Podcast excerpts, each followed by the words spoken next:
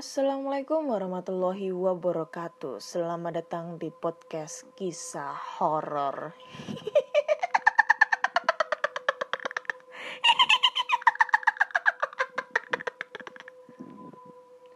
Masih berjumpa dengan Ana di sini yang akan membacakan cerita horor ataupun email berhantu yang sudah dikirimkan teman-teman melalui podcast kisah horor at gmail.com ataupun di DM Instagram podcast kisah horor dan DM Instagram Ana Olive. Oh. Eh, hari ini hari udah masuk eh belum masih hari Sabtu tanggal 24 Oktober 2020. Wih mantap. Malam mingguan pada ke mana nih? Kalau aku sih di rumah aja ya dan ini barusan di luar hujan lebat gitu ya. Udah malam hujan lebat dan enak banget dibuat tidur kayaknya ya. Dan sambil dengerin podcast kisah horor. Mantep nih. Oh ya aku tuh lagi galau banget gabut banget. Kenapa ya? Aku tuh barusan itu aku live bareng sama teman aku konten kreator namanya Kak Eca. Uh, nama channelnya tuh Eca Yosia. Dia adalah seorang lady ghoster explore di tempat-tempat terbengkalai. Yang sebelumnya tuh aku juga uh, explore juga ya youtuber juga tempat-tempat terbengkalai. Tapi kemarin tuh YouTube aku udah aku jual dan aku tuh kangen banget buat explore anjing. Aku kangen banget buat explore gitu kan. Tapi YouTube-nya udah aku jual. Ih sebel banget deh. Dan aku uh, sangat apresiasi banget sangat bangga banget sama Kak Eca ya yang subscribernya udah naik aja. Udah sampai ke hampir 20 subscriber. Gila anjing lah. Dulu padahal dia itu selalu bilang uh, kalau aku yang ibaratnya itu uh, video aku video-video aku tuh yang paling bagus menurut dia. Tapi uh, aku selalu memberikan motivasi ke dia. Ya ya bukannya ini ya bukannya meninggi atau kayak gimana. Tapi aku selalu memberikan motivasi ke Kak Eca kalau uh, semua semua kita mau bikin suatu apa ya suatu suatu prestasi itu harus membutuhkan proses gitu loh. Tanpa proses kita pun juga tidak akan menemukan prestasi itu gitu. Dan kita tidak akan mencapai prestasi itu gitu. Dan ya dia sekarang udah mencapai prestasinya yang tadinya dia bilang kalau dia ini pecundang dan dia nggak bisa apa-apa akhirnya dia ngejawab ngebayar itu semua dengan prestasi dia sampai sekarang sampai detik ini. Dan aku bangga banget dan ah yang ada malah aku yang nggak berprestasi. Anjim lah YouTube aku udah aku jual lagi akunnya aku nggak bisa nge YouTube lagi. Tapi aku masih tetap nge-podcast teman-teman ya.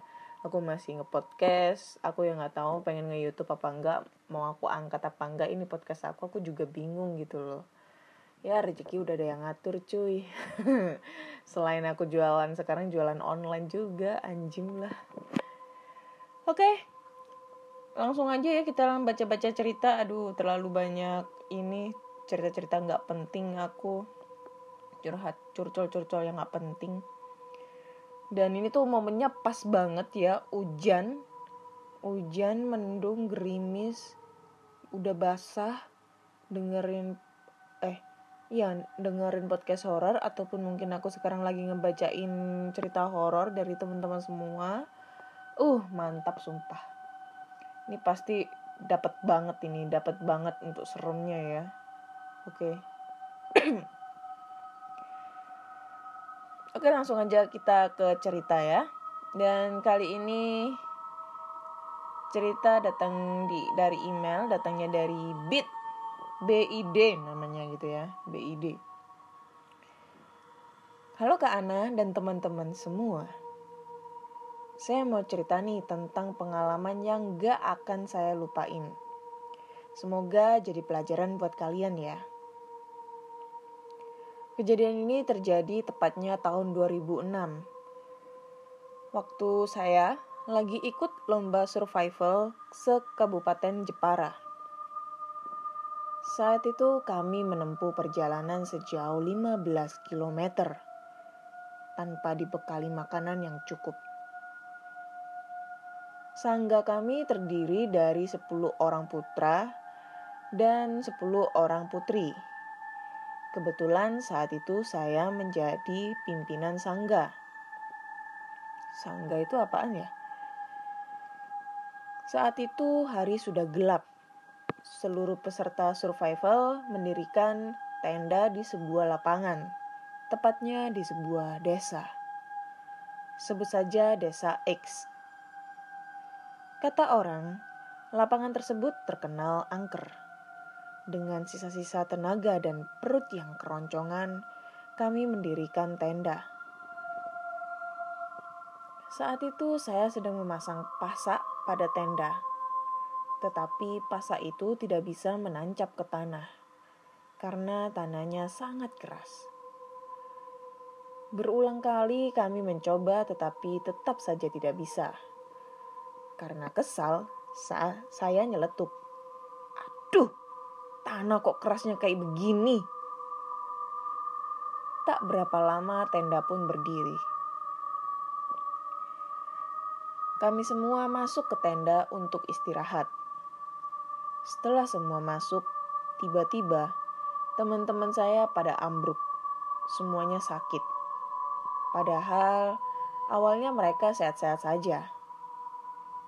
Saya sebagai pimpinan sangat bingung.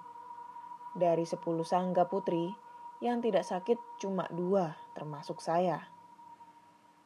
Tak berapa lama salah satu tim saya, tepatnya adik kelas saya yang sedang sakit itu menggeram-geram.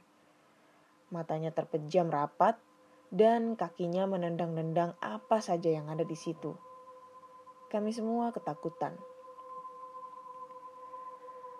Teman-teman saya yang cowok memegangi rapat dan kakinya menen eh memegangi adik kelas saya itu. Tapi tenaganya sangat kuat Dua orang teman cowok saya tak kuat menahannya. Tiba-tiba, adik saya, eh adik kelas saya yang pintar hal-hal mistik, sebut saja namanya Arif berkata, Rasanya ada yang gak beres kak. Si Ana kesurupan, anjim gue dong kesurupan. Ana anjim. Uh, aku di sini baik-baik aja nggak kesurupan anjir ya jangan sampai lah aku di rumah sendirian anjir Arif berusaha berkomunikasi dengan makhluk yang merasuki Ana, gue, oke? Okay? Apa ada salah satu di antara kalian yang berbuat sesuatu yang bikin penghuni sini gak berkenan? Kata Arif kembali. Mendengar itu saya teringat kata-kata saya tadi. Aduh, tanah kok ber, kok kerasnya kayak begini. Saya merasa bersalah. Secara refleks saya berkata, "Ya udah, saya yang salah. Saya minta maaf." Mendengar perkataan itu, Ana yang sedari tadi memejamkan mata langsung membuka matanya dan geramannya agak menghalus. Ya udah, sekarang mau kamu apa? Oh, salah. Ini si An, si itu ya si ngomong. Ya udah, sekarang mau kamu apa? Kami meninggalkan daerah ini, kata Arif lagi. Ana mengangguk. Tapi kamu harus janji keluar dari badan teman saya dulu. Ana kembali mengangguk. Ayo kak, sekarang kita pindah dari sini. Seketika itu Ana berhenti menggeram lalu kemudian pingsan. Setelah kami memindah tenda kami, ajaib. Semua teman saya yang tadinya sakit sembuh seketika seperti tidak tidak pernah terjadi apa-apa. Dari pengalaman itu saya mengambil hikmah. Jangan pernah ngomong sembarangan di tempat yang masih asing buat kita di mana pun kita berada. Meski itu di hutan sekalipun. Makasih ya kak sudah mau baca. Oke. Oke, thank you Ana. Eh Ana, Ana kan itu tadi. Thank you ya siapa tadi? Eh Beat buat ceritanya. Aduh, kenapa sih harus ada Ana gitu ya? Tapi bener banget deh kalau kita mau mau ya entah itu hutan entah itu tempat lokasi di mana pun itu berada walaupun ya pokoknya itu lokasi yang menurut kita itu asing buat kita ya. Kita harus menjaga sopan santun menjaga kebersihan dan apa ya sekiranya itu tidak mengotori lah ibaratnya kayak gitu. Tidak mengganggu mengganggu penghuni di sana. Karena eh kita itu hidup berdampingan gitu ya maksudnya dalam arti jin itu ada gitu loh. Setan itu nggak ada tapi jin itu ada. Jin itu yang menyerupai setan. Jadi ya dia juga punya perasaan dia juga punya etik apa ya punya tahu tata krama gitu loh kalau jin-jin yang sopan gitu. Maksudnya jin yang penghuni lama gitu ibaratnya gitu ya. Jadi kita ya harus jaga sopan santun juga jangan asal sembarangan gitu kan buang air buang air sembarangan gitu jangan lah. Di rumah pun juga gitu di rumah kita pun juga pasti ada penghuninya nggak mungkin nggak ada penghuninya pasti ada penghuninya selain kita. Dan maka dari itu ya setidaknya kalau di rumah ya jaga kebersihan juga. Jangan buang sembarangan. Apalagi yang cewek-cewek tuh jangan buang pembalut sembarangan dan harus dibersihkan jangan sampai nggak dibersihkan kalau nggak mau dijilatin kuntilanak hi dijilatin kuntilanak anjir lah gue ngeliat belakang belakang terus Oke, thank you Beat buat ceritanya. Lanjut ke cerita berikutnya ya, next. Cerita berikutnya eh ada datang dari Arsyad. Oh, ceritanya singkat ya.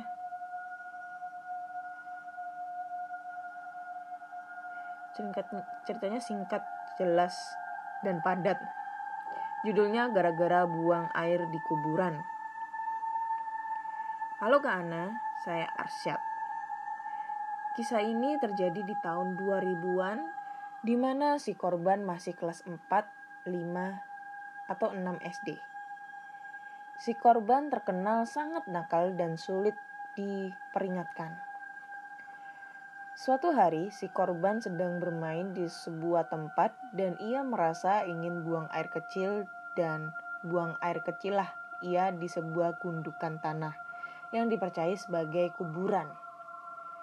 Dan nekatnya ini, anak buang air kecil, eh, anak itu buang air kecil di kuburan. Padahal semua temannya sudah menasehatinya agar tidak buang air kecil di situ. Alhasil jadinya ini anak gak bisa bergerak sama sekali dari posisi ia buang air buang air. Posisinya ini anak mengkerik. Mengkerik itu kayak gimana ya? ngeriuk gitu ya apa ya kayak membungkuk gitu ya tapi untunglah setelah ini anak eh, setelah itu anak dipijat dan didoain sama mbah pemijat dan akhirnya bisa menggerakkan badannya udah selesai ceritanya. Gila cuma gitu doang. Ya singkat jelas dan ada hikmahnya juga ya. Ada ada pesannya juga pesan moralnya juga. Jangan buang air kecil sembarangan. Itu udah. Barusan aku ngomong ya jangan buang air kecil sembarangan. Nah ini ada cerita lagi buang air kecil sembarangan apalagi di kuburan lagi. Aduh jangan jangan jangan jangan. Nggak baik itu ya. Wow. Wah singkat nih oke lanjut next ke cerita berikutnya aku masih belum merasakan merinding merinding ya padahal ini suasananya lagi hujan-hujan gitu tapi belum belum greget nih ceritanya anjir lah Uh, panjang nih ceritanya anjir. Uh, panjang. Oke, next. Kita lanjut ke cerita berikutnya. halo Kak Ana. Halo podcast kisah horor dan halo teman horor semua. Kali ini aku mau bercerita. Kejadian ini aku alami pada tahun 2006. Bulan Oktober kalau nggak salah sewaktu aku liburan semester dan mengunjungi pacarku di kos. Maklum LDR. Memang kos yang dipilih pacarku ini terbilang mewah. Kos itu terdiri dari dua lantai dan ada 10 kamar kalau nggak salah. Parkir dan halaman depan luas dan fasilitas komplit lah pokoknya. Jadi, sebelum aku berangkat ke Jakarta, aku sudah telepon pacarku supaya jemput di bandara. Singkat cerita, setelah sampai di bandara dan ketemu pacarku, kita nggak langsung pulang ke kos pacarku, tapi mampir dulu ke salah satu mall untuk belanja kebutuhan pacarku. Jadi kita pulang ke kos memang sudah sore, sekitar jam 5. Aku dibuat takjub dengan kos yang mewah ini. Tapi anehnya, kok aku ngerasa ada yang aneh. Rasanya mau masuk kos aja serasa ogah. Ya iyalah, Lu ngapain ke kos cewek anjir? Kan gak boleh, itu kos cewek, goblok. gak boleh, gak boleh ya. Makanya kamu gak boleh masuk itu. Berasaannya jadi ogah-ogahan gitu ya. Mending ke hotel aja. oyo, oyo, oyo berbicara. Eh tapi 2006 belum ada oyo, anjir. Tapi aku abaikan perasaan itu dengan eh, perasaan itu dengan pertimbangan kalau aku nggak nginap di kos pacarku. Lalu aku mau nginap di mana tuh? Kan pikirannya udah jelek dia mau nginap di kosnya pacarnya ini nggak boleh. Goblok lu. Kamar pacarku ada di lantai dua dan untuk ke lantai dua harus lewat dapur dan lewat depan kamar kosong yang entah kenapa Kata pacarku itu kamar nggak pernah dibuka. Tapi selalu bau dupa dan bau wangi kembang. Setelah memarkir mobil, kita langsung menuju ke kamar pacarku. Hmm. Ha, ngapain tuh? Mau wik-wik ya? Sempat kita berpapasan dengan cewek di, dap di dapur. Aku cuma senyumin aja tanda menyapa dan itu cewek balas dengan senyum juga. Setelah sampai di kamar, aku langsung merapikan barang bawaanku dan bergegas mandi karena badan terasa lengket. Ya mungkin memang udara di daerah Depok memang panas ya. Padahal AC kamar juga dinyalain. Tapi tetap aja panas. Setelah selesai mandi, aku rebahin uh, badan aku di sofa dan nonton TV. Sedangkan pacarku ganti yang mandi. Bosan nonton TV, aku pun pergi keluar kamar, mau ngerokok. Di kamar lantai dua memang ada balkon di setiap kamar. Sembari nunggu pacarku selesai mandi, aku pun dengan santainya ngerokok di balkon sembari minum kopi hangat. tapi pandanganku tertuju ke arah halaman depan. Aku lihat cewek yang ketemu di dapur tadi melihat ke arahku dari halaman depan, dan tiba-tiba itu cewek serasa terbang mendekat kalau terus dilihat. Sontak aku kaget dan tanpa banyak kata, aku masuk ke kamar. Aku lihat pacarku udah selesai mandi tanpa aku cerita tentang kejadian yang baru saja aku alami. Jam menunjukkan pukul 8. Dan pacarku ngajak beli makan dan sekalian mau jalan-jalan. Aku mah ngikut walaupun badan capek tapi ya mau gimana lagi. Hitung-hitung dan lama gak bareng karena LDR LDR kan hehehe. Iya lo LDR tapi nginep di rumah pak di kos pacar mau wiwi lu aku nyuruh pacarku buka gerbang dan aku mundurin mobil. Sewaktu aku mundurin mobil gak sengaja aku lihat itu cewek lagi. Tapi sekarang dia ada di balkon kamar sebelah kamar pacarku. Sontak aku merinding dan terpaku lihat itu cewek tersenyum ke arahku sampai aku dikejutkan suara pacarku yang ternyata sudah di dalam mobil. Dalam perjalanan iseng-iseng aku cerita tentang cewek yang aku lihat itu ke pacarku. Put, kamar sebelahmu itu siapa sih yang nempatin? Lah, sebelah kamarku kan kosong, gak ada orangnya. Ah, jangan bercanda deh. Aku serius. Memang kenapa sih? Kok aku lihat cewek ya lagi duduk di balkon sebelah kamarmu itu. Tapi itu cewek aku juga lihat di dapur, di dapur juga pas tadi sore aku datang. Memang kamu nggak lihat ada cewek dap ada cewek di dapur pas kita mau naik ke kamarmu? Masa sih? Aku aku sama sekali nggak lihat kita ketemu cewek pas mau naik ke kamar tadi. Oh, dalam hati aku bilang, sialan. Baru datang sudah dikasih lihat setan. Yalah karena lu udah mau pikiranmu udah aneh nih. Ngapain lu nginep di kos cewek goblok? Setelah puas jalan-jalan dan makan malam, kita pulang kos jam 11 malam. Pacarku bukain gerbang dan aku pun memarkirkan mobil di parkiran kos. Sewaktu kita mau naik ke kamar, aku mencium bau dupa di kamar kosong dekat dapur dan seketika itu aku dan pacarku mendengar cewek menjerit dari lantai dua. Kita pun sontak langsung lari ke lantai dua dan aku lihat para penghuni kos sudah pada keluar menuju ke sumber suara. Ternyata suara itu berasal dari kamar yang berada di paling pojok. Kita, uh, eh, kita rame-rame masuk ke kamar itu. Aku lihat penghuni kamarnya seorang cewek yang memang dari mukanya lagi ketakutan.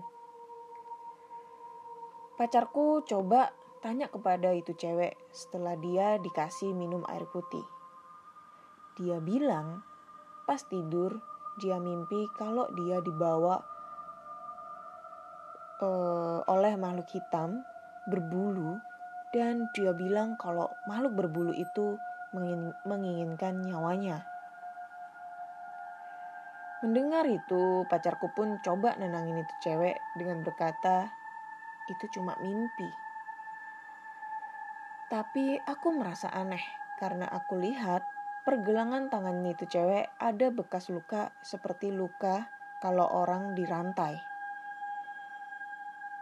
Setelah si cewek yang menjerit histeris itu tenang, namanya Nevi, kita semua balik ke kamar masing-masing dan si Nevi tidur di kamar sebelahnya, punya si Marta. Setelah balik ke kamar pacarku, aku nggak langsung tidur. Hmm, tapi masih ngobrol sama pacarku si Puput. Awasa sih, ngobrol apa ngobrol.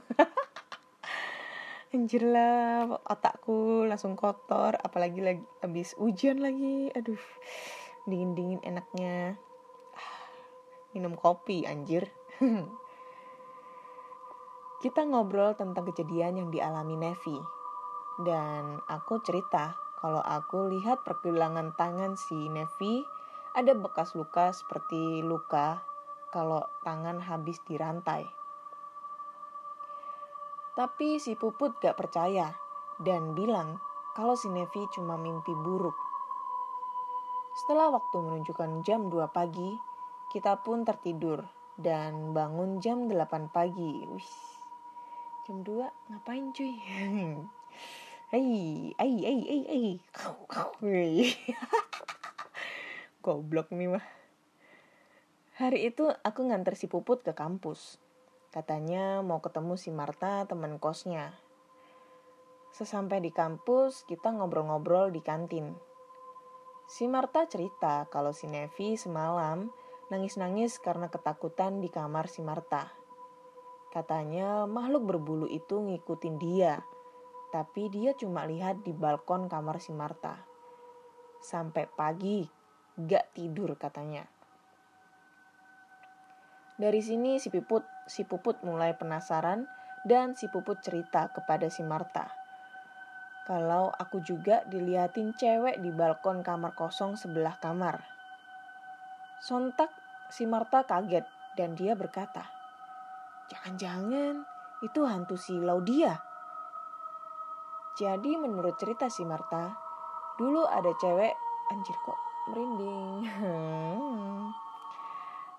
dulu ada cewek namanya Laudia dan dia nempatin kamar di sebelah kamar si Puput. Tapi tiap hari dia ketakutan. Katanya tiap tidur si Laudia selalu mimpi kalau ada makhluk yang mau minta nyawa si Laudia. Tapi para penghuni kos gak ada yang percaya dengan cerita si Laudia. Sampai si Laudia meninggal karena sakit dan setelah kejadian yang menimpa si Nevi kemarin malam, kita jadi berpikir kalau semua ini nggak cuma mimpi belaka. Si Marta sempat liatin ke aku sebuah foto dan benar saja, ternyata cewek yang sering aku lihat di balkon itu adalah hantu si Laudia. Sontak aku jadi ketakutan sendiri. Hari ketiga aku nginap di kos si Puput. Uh, lama ya. Gak dimarahin ibu kos nih. Kejadian-kejadian di luar na di luar nalar hantu eh di luar nalar semakin parah. Si Puput pun ikutan kena. Jadi, dia tiba-tiba nangis ketakutan dan bangunin aku. Aku tanya, "Kenapa malam-malam gini nangis?" Dia jawab, Aku mimpi serem seperti mimpi yang dialami si Nevi. Aku kaget dengar cerita si Puput. Spontan, uhui gitu ya. Aku lihat pergelangan tangannya dan benar saja. Ada bekas luka, seperti luka kalau tangan diikat rantai. Pagi harinya aku tanya ke Marta tentang asal-usul kos ini. Dia bilang gak tahu tentang hal itu, yang dia tahu hanya pemilik kos datang tiap malam Jumat dan selalu menyendiri di kamar yang berbau dupa itu. Setiap pemilik kos datang, pasti ada kejadian aneh. Pernah ada penghuni kos namanya Dian. Tidak sengaja dia mendengar pemilik kos ngobrol dengan seorang laki-laki di kamar itu. Tapi anehnya, pemilik kos itu masuk kamar sendirian dan tidak ada laki-laki yang ikutan masuk ke kamar itu. Mendengar cerita dari si Marta, aku semakin yakin kalau kos pacarku ini nggak beres. Aku coba telepon temanku yang bisa dibilang dia orang pinter. Dan kata temanku, kalau kos pacarku itu emang nggak beres. Apalagi pemilik kosnya itu punya ilmu pesugihan dan temanku menasehati supaya pacarku pindah kos biar nggak ikut jadi korban. Karena memang kos itu selalu meminta tumbal nyawa. Setelah mendengar saran dari temanku, aku pun mengajak si Puput keluar jalan-jalan. Karena aku pikir, kalau aku cerita di kos bakal nggak baik dan takut kalau makhluk itu juga ikut dengar. Jadi aku ajak si Puput ke coffee shop dekat kampus dia. Di sana aku bercerita tentang apa yang sebenarnya terjadi di kosnya. Pertama si Puput gak percaya dan gak mau pindah kos. Tapi setelah aku paksa akhirnya dia mau juga pindah kos. Dan aku saranin juga buat kasih tahu ke temennya buat ikut pindah karena aku juga kasihan kalau ada salah satu teman kosnya yang suatu hari nanti jadi tumbal. Hari berikutnya aku sudah kemas-kemas barang si Puput dan untuk sementara si Puput tinggal di rumah tantenya karena memang belum dapat kos yang baru dan cocok buat dia. Tapi sayang, si Marta dan yang lainnya nggak mau ikut pindah. Selang dua bulan kalau nggak salah, aku dengar cerita dari si Puput kalau si Marta meninggal karena kecelakaan sepulang dari kampus dan si Nevi masuk rumah sakit jiwa karena tiap hari dia didatangi makhluk berbulu itu dan ada lagi satu penghuni kos di lantai satu juga meninggal gara-gara jatuh dari tangga kos. Tapi anehnya, semua yang meninggal pasti ada bekas luka di pergelangan tangannya. Dan akhirnya, si Puput meninggal bulan November 2007 karena leukemianya. Tapi untung pas Puput meninggal gak ada bekas luka di pergelangan tangannya. Sekian ceritaku kak, maaf kalau gak seram dan mungkin untuk sobat yang tinggal di Depok tahu tentang kos ini dan untuk almarhum Puput maaf ya kalau akhirnya aku cerita tentang kejadian yang pernah kita alami ini. Mungkin sahabat horor podcast kisah horor membaca cerita-ceritaku yang sebelumnya pasti tahu kalau sampai hari ini pun almarhum Puput masih mengikutiku. Bahkan aku nulis cerita ini pun dia masih di sampingku. Okay. God bless you Kak Ana. Semoga sukses untuk podcastnya. Oke, okay, thank you. Siapa ya namanya? Aku nggak ada namanya. Tapi but, aduh, tadi aku lagi ngetawain anjir sorry banget kalau endingnya kayak gini ceritanya aku nggak tahu endingnya sedih banget sumpah tapi ya sebelumnya aku mau minta maaf eh iya minta maaf jika tadi ada uh, pada saat aku membaca mungkin ada bercanda-bercandanya ya. Dan lalu aku mau mengucapkan turut berduka cita ya berbelang sukawa uh, atas meninggalnya almarhumah Puput yaitu pacar lu ya. Semoga amal ibadah beliau diterima di sisi Tuhan dan arwahnya tenang di surga ya. Depok, kos Depok mewah, ada dua lantai, e, kamarnya ada 10 dan setiap kamarnya ada balkon. Mungkin kalau orang Depok pasti tahu nih. Atau mungkin ini tempatnya ini udah viral ya. Apa mungkin maksudnya udah udah terkenal banget ini kos-kosannya kalau orang Depok tahu jangan coba deh DM uh, eh, mungkin ada yang rumahnya deket ini sama coba deh difotoin pengen tahu deh aku uh, gimana rupa bentuk kos kosannya kayak gitu. Tapi nggak bakalan aku post di feed aku ya karena itu kan privasi orang ya. Cuma aku pengen tahu aja kepo gitu ya. But thanks banget ini ceritanya. Ya kalau aku sih bilang ini bukan horor tapi ya maksudnya horor sih ya serem. Tapi endingnya sedih cuy. Karena harus kehilangan orang yang dia sayang gitu ya. Gara-gara tumbal di kosan aduh, aduh, aduh serem. Tapi ya kayak gitu deh uh, ya itu kali ya. Kenapa? Biasanya tuh kalau kita nemuin kos-kosan yang tempatnya mewah banget mewah tapi harga miring dan aturannya bebas itu pasti harus dipertanyakan ini ini lokasinya ini aman apa enggak tempatnya aman apa enggak. Ya takutnya kayak gini nih karena si pemilik ini melakukan pesugihan akhirnya uh, semua uh, apa anak kosnya gitu ya yang mening yang tinggal di kosannya ini pada dijadikan tumbal semua kayak gitu. Gila. Serem. Ini kayak rumah hantu Darmo. Rumah hantu Darmo itu dia pemiliknya ini bedanya kalau rumah hantu Darmo ini pemilik rumah dia melakukan ritual pesugihan gitu sampai dia mempunyai aset yang banyak banget. Terus setiap malam Jumat itu dia melakukan perjanjian untuk memberikan sebuah darah manusia. Tapi suatu saat itu di suatu saat itu si darah manusia apa ayam cemani aku lupa gitu.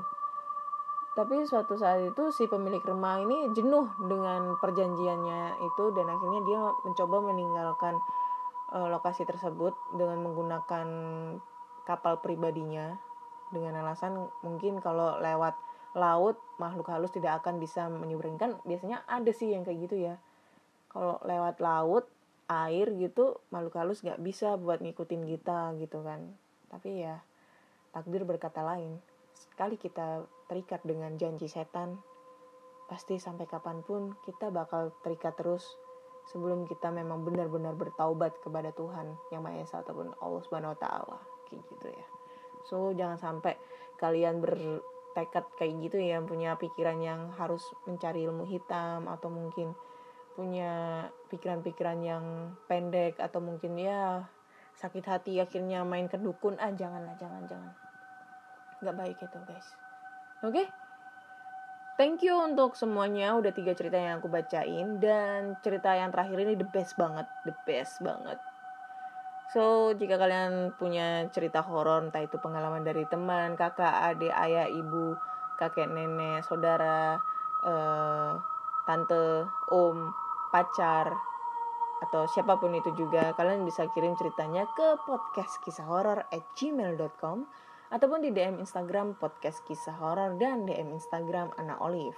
Dan jika kalian mempunyai oh kok mempunyai salah sih.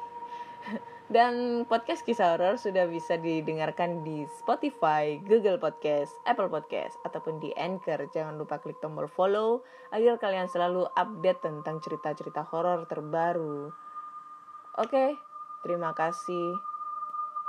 Saya Ana dan sampai jumpa di episode berikutnya.